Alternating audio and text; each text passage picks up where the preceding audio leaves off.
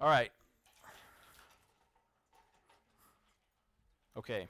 Sorry. I'm going to make this, I'm going to help you guys out here. All right. So I want to hear some. Um, let's write down some, some groups of people, types of people, authority figures that we struggle to obey. Yes, ma'am. Mom. Mom, great. Yes. Dad, this was this is easy. This is going well. Eli. Coaches, good one. Coach. Uh, Joshua.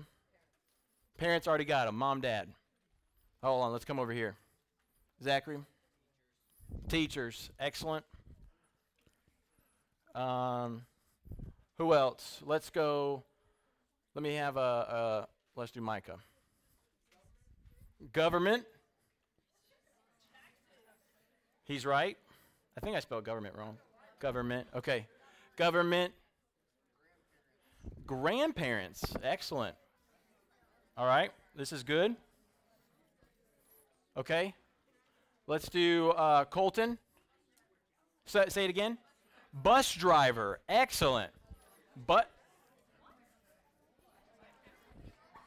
All right. Shh. Hold on. Shh, shh, shh. I know this gets you excited because you start talking about all these people. Yes, sir. Yes. Gym instructor. Okay, we'll just do instructors all together. Let's do one more. Abigail, last one. Leaders of countries. Should we call that government? Cat popped off. Any more? Do we just call them out? Are we missing any? Boss, siblings. Siblings. Administrators, we'll call that instructors. What? I'm sorry? God. No one said God. We're going to put God up here. Excellent work. All right. That's a perfect transition to the sermon. God. So we have so many authority figures in our life, and we struggle just in general to submit to authority, do we not? We, we by our own very nature, we tend to resist, push back on authority we tend to do what we want to do. We want to call the shots. We want to pick our own direction in life. We want to decide whether we're going to do the assignment or not. We want to decide whether we're going to clean our room or not. Are y'all with me on this? And so we want to decide if we're going to pay our taxes or not when we're adults, okay? You're going to decide if you're going to obey the instructors and admins and coaches in your life. And more importantly, we struggle to submit to Christ. And our series is called All Authority. And we're going to look all semester at the authority of Christ, uh, specifically in the book of Matthew. There's one of, one of the themes of Matthew is the authority of Christ, just woven throughout the entire book. And we're just going to analyze it and look at it because we struggle to submit to God. And we struggle to submit to Jesus who has been given all authority. And I want to think about this for a minute because I want us to realize and I want you to understand that submitting to Christ and to obey His word and to obey Him, I want you to realize throughout this series that to submit to Him is actually the greatest thing you could ever do to submit to Jesus is what is going to allow you to experience that Jesus really is better than everything. Because here's how it works when you understand that Jesus, the one who is in all authority, Jesus is in authority over everything, He's in authority over all creation. He decides if the earth is going to burn up from the sun or freeze because it's gotten too far away. He keeps us in that perfect balance. He decides if I'm going to make it through the end of this sermon. He decides if we breathe again. This Jesus, who is in all authority, is the, in all authority over your life, in all your decisions. And here's why this is a good thing. Because if you are a believer, biblically, everything that God does for you is for your good and for your joy. And so when you realize that everything that God does is for your good and your joy, you begin to then submit to Christ and His Word. And when you submit to Christ and His Word, you begin to experience that Christ really is the greatest thing in the world, the greatest person, the greatest value, treasure in the world for you. And so, I, my prayer and hope is that as we walk through the, the series and at the end of the series and at the end of each week, you can walk away saying with peace and joy and confidence, saying, Who is in charge of my life? It's Jesus, not me. Who calls the shots? Jesus. Who's writing my story? Jesus, not me. And I want you to be able to say that and be at peace with that because that is great news.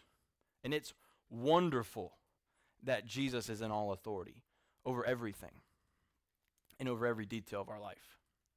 And so, as we look together in Matthew, we're just going to sit back every week and we're just going to look at how Jesus demonstrates his authority, and we're just going to be blown away and marvel at it. And we're going to hope and pray that we walk away being so changed by this that we love Jesus just a little bit more than when we came in.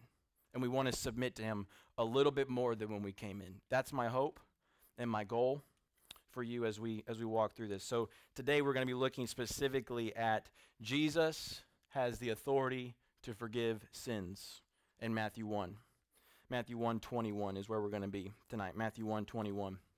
What I want to do is before we dive into Matthew 1:21, it's placed right in the middle of this story, a Christmas story that you're going to be familiar with. Many of you if you've grown up in church, if you've not had a church background, you're not familiar with the story, no problem. You're in a safe place. You're in a good place. Listen and enjoy. So let's start in Matthew chapter 1 verse 18. And we're going to read along together. Um, should be on the screen. There we go. So let's read this. We're going to read through verse 25 and then we're going to just focus on verse 21, okay? So it says, Now the birth of Jesus Christ took place in this way.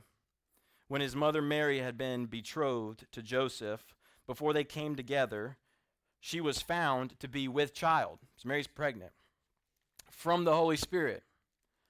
And her husband Joseph, being a just man, a good man, a righteous man, and unwilling to put her to shame, resolved to divorce her quietly. But as he considered these things, behold, an angel of the Lord appeared to him in a dream and said, Joseph, son of David, do not fear to take Mary as your wife, for that which is conceived in her is from the Holy Spirit. And here's our verse She will bear a son, and you shall call his name Jesus, for he will save his people from their sins. All this took place to fulfill what the Lord had spoken by the prophet. Behold, the virgin shall conceive and bear a son, and they shall call his name Emmanuel, which means God with us. When Joseph woke from sleep, he did as the angel of the Lord commanded him. He took his wife, but knew her not until she had given birth to a son, and he called his name Jesus. So let me give you a little bit of setup here.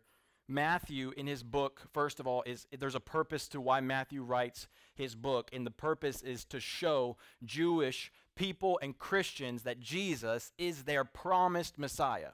If you were to read the Old Testament, all of the Old Testament is pointing toward a coming Messiah and a coming king. And Matthew's purpose in writing is to show the Jews hey, Jesus is that king and is that Messiah. So Matthew's filled with Old Testament references over and over and over again. And so Matthew 1 1 to 117, he traces the lineage of all the Old Testament um, fathers of Israel. He traces it from Abraham all the way to Jesus to show that Jesus is this long awaited Messiah. And he gets finally to this story about Jesus' birth. And he talks about Joseph. And so let's just paint a picture for just a minute. Joseph is engaged to sweet little Mary, okay? They're about to be newlyweds. They're engaged. We call it betrothed. The, the Matthew calls it betrothed. It's an engagement, but it's in Jewish culture, a betrothal was a legally binding engagement. So if you were engaged, you couldn't just go break up with your fiance with no ramifications. It was equivalent to a divorce in Jewish culture even though they had not been officially married. So they're betrothed, but it's a legally binding commitment. So that's the situation they're in. Joseph, betrothed to Mary, and Mary comes to him, and he finds out Mary is pregnant. And you can imagine all the worst case scenarios and all the fears swirling around Joseph's head as he now considers what he's supposed to do. Because in Jewish culture in the first century, for a woman to be pregnant before they were married was the ultimate form of shame, and she would have been an outcast for her entire life, if not worse. And so Joseph now, this affects him. And so now he's thinking, what, what am I supposed to do? Mary's pregnant. I know, I know it's not from me. And so now I have a choice to make. I can either ruin my reputation and, and take Mary, or I can just quietly, without publicly shaming her, because it says Joseph was a just man, an honorable man. He did not want to publicly shame Mary. He thought, I'll just break the betrothal quietly. And as he's trying to wrestle through this decision about what to do, an angel intercedes an angel of the Lord and says, Joseph, hold on. Don't do that. I want to reassure you that Mary is carrying a child, and Mary is a virgin. And what the baby in her is from the Holy Spirit. And I want you to continue and take Mary as your wife. Because the Son of God is going to become a man and is going to be born through Mary. Can you imagine what Joseph is thinking now? And this baby is going to be the fulfillment of all the Old Testament prophecy and promise that Joseph and Mary were familiar with. And it's going to be their kid that's going to bring salvation to the world. This is the situation we find ourselves in when we get to verse 21. So let's look at verse 21, and this is where we're going to camp out for the rest of our time together. It says this in verse 21 She will bear a son, and you shall call his name Jesus, for he will save his people from their sin. So now, this, Mary and Joseph, this is not how they designed for their newlywed life to be. This is not how they would have drawn it up for a newlywed, you want to just you want to just ease into marriage. You want to be able to do whatever you want to do. You want to get to know one another. We were we were newlyweds five about five years ago, almost. Okay, and you want to just kind of ease in, have fun. You can do whatever you want to do. If you want to go to Waffle House at 2 a.m., you can. That's that's what it's all about. You just have this kind of freedom. And Mary and Joseph, if they had their way, they might want to just ease into their marriage, but that was not the plan of God because Mary is not in authority over her life. Joseph is not in authority over his life. Jesus is in authority over their life. And he's in authority over yours. And Jesus is writing his story, his own story, that they are a part of. And Jesus is writing his story in your life that you are a part of. And so Mary and Joseph without resisting the will of God, they submit and they obey, and the Savior of the world is brought through them. So now we get to this amazing verse that is loaded with some serious uh, doctrine, okay? But we're going to keep it simple here. So, verse 21, let's look at the first very section of it, and we got point one here. It's Jesus is fully human like us. It says, Jesus will, she, Mary, will bear a son and they will call his name Jesus. So, this phrase, she will bear a son, think about this the eternal Son of God, the eternal Son of God, never had a birthday. He is going to come and take on flesh and be born as a real baby, a human baby, with all the implications and all the hardships that go along with being a baby crying, dirty diapers, hard to go to sleep at night. Okay? We have three little children. One is kind of a baby, Piper, and she's still technically a toddler, but she acts like a baby. And then, and then um, we have four-month-old Zoe. Okay, you know the song "Silent Night" that we sing about Jesus? It was not a silent night. Okay, he's crying all night long. He needs to be fed. He's a real baby. Jesus is a real baby. I was reading David Platt um, talk about the uh, this birth narrative, and he said, uh, "Can you?" He, he was talking about his own kids. He says, "I cannot imagine trying to put down your baby to sleep with mooing cows in the background. Just it's hard enough to put a baby to sleep in dead silence. Can you imagine with cows interrupting you all night? So this is the situation we're in. Jesus is a baby, the Son of God, who holds all authority, becomes a man. It's amazing. In, in Hebrews 1 says that the eternal Son of God holds the universe by the word of his power.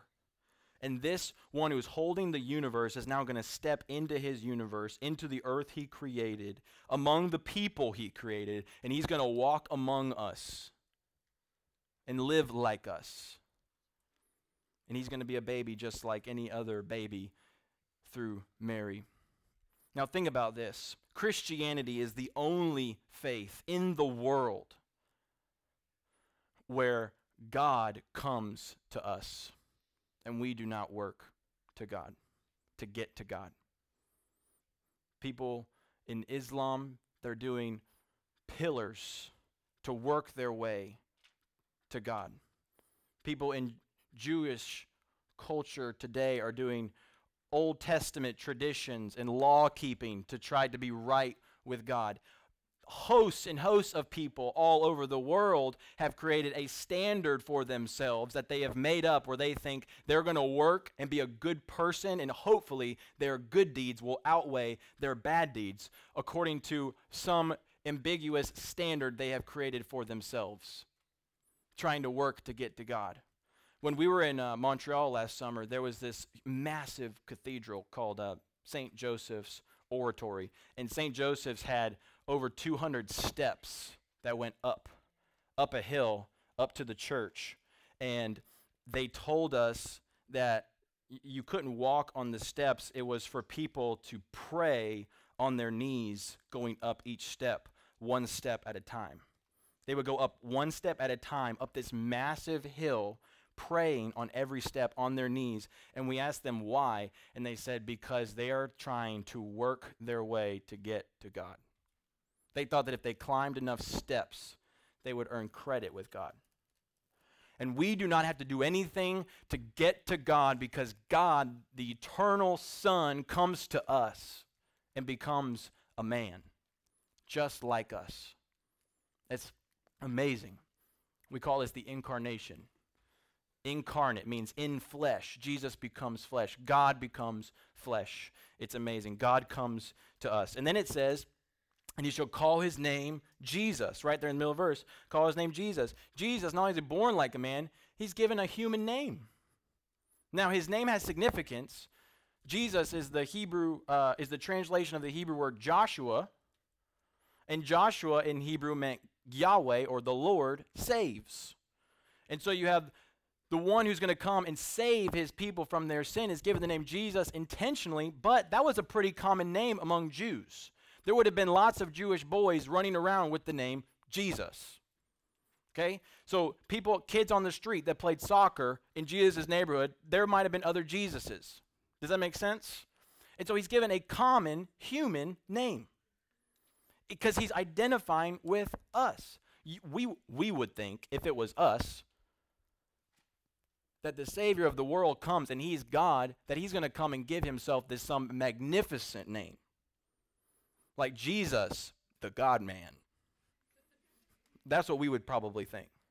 Because think about it. I mean, we already have guys in history, Alexander the Great. He, he's just a military leader or a leader of the Roman Emperor. Okay? And so, Alexander the Great, you got fiction, you got Iron Man, whatever, Captain America. You got all these great names. And then Jesus comes. You would think you'd given an extravagant name, but he comes and he takes a humble name. He takes a human name. It's intentional, but it's common. Why does he do that? Because he humbles himself to be like us, to identify with us in every way. Because only someone who is fully man and fully God can take away the punishment for sin. This is so important for us that our Savior is a man and can identify with us. Let me read for you Hebrews chapter 4. verses 15 and 16. Should be on the screen. I'm going to go to it here. Hebrews chapter 4, verse 15 and 16. Chapter 2 already in Hebrews says that Jesus became like us in every way. And then chapter 4 it says in verse 15, We do not have a high priest who is unable to sympathize with our weaknesses, but one who in every respect has been tempted as we are, tempted as we are, yet without sin. Let us then with confidence draw near to the throne of grace, that we may receive mercy and find grace and help in the time of need. This is what the writer of Hebrews is saying is that Jesus gets you. He identifies with you. He's not the Savior is not unlike you coming to save you. He's like you coming to save you. That means as a fully human being, mentally, physically, emotionally, he gets you. He understands your hurt, your tears, your temptations, your sin struggle, your loss, your sickness, your anxiety. He gets it. Jesus gets it. And when you struggle as a sinner, you keep doing the same thing over and over again, he doesn't think you're a freak. Are you hearing me on this? This is good news. He gets it. He's patient with you because he's been a human. He is a human. And he's lived life on earth. And he's patient with you. He knows where you fall short, and he's patient in the struggle. Go to Jesus who understands your pain, understands your struggle. He will not cast you out. He says, Come to me, all you who are weary, heavy burdened. Are you heavy burdened today? I will give you rest, Jesus says. He can say that because he's been where you are. This is good news. The incarnation is amazing. Jesus is like us in every way in his humanity. Secondly, second point, not only do we have a fully human Savior, we have a fully divine Savior. Let me go back to my verse here 121, second half of the verse. For he, Jesus, will save his people from their sins. So we have a fully divine Savior. To be fully divine just means fully God. He's the eternal Son of God. He's never had a birthday, he's never been created. And yet he becomes a man like, like us. He's always been, he will always be. And only a Savior who's fully man and fully God can take away sin. So let's talk about this for a second. I want to I want to ask two questions and I want us to think about this together. What is sin? We throw that word around a ton. Do we really know what sin is? What is sin? What is the result of sin? Those are what I want to look at for just a minute. What is sin? My simple definition of sin taken from Romans 1:25 is choosing anything over God. Choosing anything, valuing anything over God himself. When you value something, even something good, over God Himself, you have sinned biblically. It can be something good like your phone. Your phone is not evil, inherently evil. You can use it for evil, it's not inherently evil. Or your family or your friends, and you can value them over God, and that's sinning. Or you can sin by direct disobedience to God's word. Direct disobedience to God's word, like lying, lusting, cheating, stealing. That's direct disobedience to his word. So sin is choosing anything over God. And then sin is not just a choice, sin is a condition that you live in. Sin is a condition that you live in. Sin is a heart condition, like a disease. Jeremiah 17 9 says, Your heart is sick, desperately sick. Ephesians 2 1 says that you are dead in sin. You are in a condition, you are in a fallen condition, born into sin ever since Adam and Eve fell into sin. Now you are born into sin. And because you are born into this condition of sin, what that means for you is that you are prone to wander from what God longs for you to do. Anybody feel prone to wander every day away from what God wants you to do? Prone to wander. You are drawn to disobey. No one has to teach you to disobey. Have you ever thought about that? You have to be taught and instructed to obey. Because when you come out of the womb, you are ready to disobey. You're ready to say no. You're ready to bite. You're ready to rip toys out of your sister's hand. That's what you're born to do. No one taught you to do that. Ezra has never seen me rip anything out of Renee's hand. He does it because he was born in sin, it's a condition. And because you have a condition of sin, it's why you make sinful choices. So it's like this you do not become a sinner because you sin, you sin because you are a sinner. Does everybody understand what I just said? You do not become a sinner because you sin. You sin because you are a sinner by your nature. And this means that we desperately need saving because we got a condition and we make choices that are sinful, and we desperately need a Savior to save us from our sin, which is what this verse in Matthew is telling us that Jesus came to do.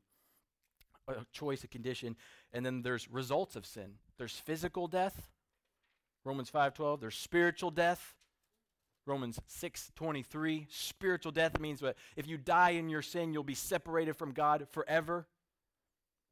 You're born spiritually dead and you need to be made spiritually alive to know God.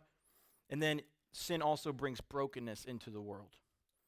And you see this every day. We have deaths, we have murders, we have um, robberies, we have broken relationships. People die, people get cancer. There's brokenness everywhere. Romans 8 tells about the brokenness that needs to be restored. And all of this demonstrates that we desperately need a Savior for our sin. We have a destructive disease called sin, and we need a cure. And Jesus is the cure. Jesus, fully God, fully man, he's the only one in the universe because of that who can take away sin. Because only God can free you from your guilt and your shame. Some of you are in here feeling guilt and shame. I'm positive. Some of you l- just live in the constant presence of your sin over your life. And Jesus has come, the God man, fully God, fully man, to free you and save you from your sin. Only He has the authority to save you from your sin and its consequences. Because of our sin, also, we deserve God's wrath. It would be wrong for me to not tell you about God's wrath when it's in the Bible. Sin, because of because of what it is, deserves punishment. And God's wrath is the punishment. And the punishment is eternal in a real place Bible calls hell. And the reason you need to know that is so that you can see how desperately you need a Savior and how amazing your Savior actually is that He would come and free you from your sin and save you from God's wrath for your sin. You say, Mark, how can, you, how can a loving God send people to hell? How can a loving God punish people in hell? Think about it this way punishment for an offense, any offense, is always in direct proportion to the one you have offended. So let me give you an example. If you steal from your brother, let's say you take his let's say, uh, let's say Emma, let's say you take uh, Eli's Nikes that he spent $450 on. You take them out, and you, you take them out, and you accidentally drop like coffee all over them, something like that. Okay, all right. He's like having a panic attack back there. All right. So you drop coffee all over, and you've ruined him. Okay. The offense is great to Eli, but it's only Eli. You can buy him new shoes and apologize, and eventually maybe you guys will be okay. Okay? So the offense is is still great, but it's only between a sibling. If you now let's move up another notch. If you steal your dad's wallet and you go blow it on new jeans, a car, and then spend the rest on Chick-fil-A milkshakes, and you just splurge, you just splurge it all. All right? The punishment for that, because it's your dad and he loves you, you're going to get grounded and you're going to have some other sort of severe, horrible punishment but it's going to be from your dad, and he loves you. And hopefully, he will not disown you. Okay? But still a bad punishment. So if you steal now, let's go one more notch up. If you steal a car from a from a dealership, you will go to jail and you might go to prison depending on the, the felony that it is. But you've committed a crime against the government or the state, and so you go to jail. Okay, the punishment is getting larger because the offense is getting larger. Is everybody understanding this?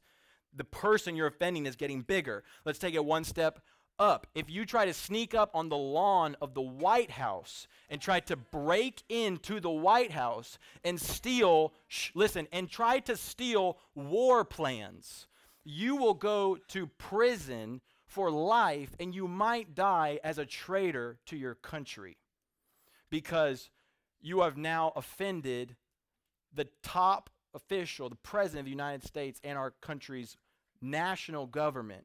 Do you see how the punishment is fitting the person offended? So now, when we sin, we have broken and offended the creator of the entire universe. You have broken his law. The person you have offended is infinitely great. Infinitely great. Forget the White House. You have offended the King of Kings, the creator of the universe, and your punishment is towards someone who is eternal, that means your punishment has to be eternal. And so, because of our sin, it doesn't matter how small you think it is, it's breaking and offending the creator of the universe. The punishment has to fit the crime against the person we have offended. And so we have a massive problem because of our sin. And Jesus is the solution to our problem, to our sin problem. Listen to the mission of the Son. The Son's mission, because we have this massive problem. When he comes and he's born as a little baby in a manger, he's coming to solve this sin problem with all the consequences coming. Jesus Christ came into the world to save sinners his mission. 1 Timothy 1:15. Luke 19:10, the Son of Man came to seek and save the lost. John 3:17, he did not come into the world to condemn the world, but in order that the world might be saved through him. Jesus is the answer to our sin problem. And Jesus, who is perfect and sinless and completely righteous, he comes and when he dies on a cross, he is absorbing all of God's wrath for you. All of God's punishment that's eternal and it's meant for you is poured out completely on Jesus. He takes it in your place. Look at Colossians, this verse we have for the screen. Colossians 2 uh, 13, 14. I'm going to find it in my Bible too. All right, look at this. Colossians 2 13, 14. And you who are dead in your trespasses and the uncircumcision of your flesh, God made alive together with him, having forgiven us all our trespasses, all our sins. How did he do it? By canceling the record of debt that stood against us with its legal demands, with its punishment. So he takes all the record of your sin, delete, copies all, delete. Have you ever lost everything on a Word document for homework? Copy, delete. All your record gone. It's as if you never sinned in the eyes of God. And then all the legal demands, all the punishment that fits the crime, gone. Shh. This he set aside, nailing it to the cross. He takes your sin, and when the nail goes in his hand, with the hammer, he's nailing your sin to the cross. And when Jesus dies, your sin dies too. And all the punishment that is meant for you dies on Jesus. This is why it is so good that Jesus comes to save sinners. Because you and I deserve this. And when we look at the cross, we kind of just we kind of just grow up hearing about the cross. It's where Jesus died and he's absorbing the wrath of God for you. Jesus came to save sinners. He's the only one that could do it because only God can make you right in his eyes, and only a human can die for humans. And Jesus is fully human, perfect and sinless, and he's fully God. This is amazing. You should be blown away that this is true. C.S. Lewis says there is nothing in fiction as amazing and marvelous as the incarnation of Jesus. You cannot make this up. Fiction can't make up Jesus. They would come, they'd give him a fiction would write a story about someone coming, putting him in a big house. He would make all these people serve him. You can't make up Jesus. The creator of the universe becomes like his own creation. He doesn't come to be served, he comes to serve and to give his life as a ransom for many. You can't make that up. Jesus, fully God, fully man, saves sinners like you. And if you have never, never trusted on Jesus, because the response to this news, Jesus' death, and he rises again and he defeats death and he proves that everything he's just done has paid for your sin, and he rises and defeats death so that you can live forever. If you've never believed this alone to save you, you need to do that today. Believe on Jesus who died in your place. Believe on Jesus who rose in your place to give you life. Believe on Jesus who has now closed the Grand Canyon of separation that once existed between you and God. He has done it. And the Bible says our response is to repent, to turn from our sin and ourself, and believe the gospel. You believe. You could do that in your chair. God could give you belief sitting in your chair right now while I'm talking, and He could save you. If you have questions about what this means, please talk to me afterwards. And then I don't want you to sit here and think that this message, Jesus saving sinners, is just for unbelievers. Oh, no, no, no, no, no. This message is for believers. Because the gospel is not something that you come to know once and then you leave behind. The gospel is something that you live in every day. You walk in the reality that you are a sinner who has been saved by the blood of Jesus. That's your reality every day. You live there, you walk there. In fact, if you try to not live there, you will crumble and fall and be driven to despair. Your identity, who you are, is rooted at the cross every day as a believer. Because when you fall short today, your hope lies in the fact that 2,000 years ago, Jesus died in your place for the sin you commit today. And when you stumble and fall, God has not removed you from his presence. He has not kicked you out of the family. You're still right where you were before. You're still his child. You're still fully loved. And Romans 8 says, Nothing can separate us from the love of God in Christ Jesus our Lord. Nothing. Not angels, not demons, not height nor depth. Anything in all creation can separate you from this love. Some of you in here need to know that today. You need to know that. You walk around struggling with your identity. Walk around struggling and in despair because of the sin you struggle with. And you've trusted Jesus, and you need to rest in the reality that Christ has paid it all on the cross. Christ alone, cornerstone, weak made strong in the Savior's love. We sang that. This needs to be your hope. It is our salvation, and it is our hope every day. You walk in the gospel. Don't leave the gospel. It is your hope and identity. And now that we know this is true, what do we do? What do we do with this information? Because we're about to close in a minute, but I want us to think about this. What do we do with this? If we believe this to be true, that we actually believe that there are sinners all over the world and that if they are not saved by faith in Jesus Christ alone, for their sin to be forgiven, if we believe that to be true, then we must tell people. If your neighbors are going to die and go experience the wrath of God forever in hell, and you know the way that they can be saved, you must tell them.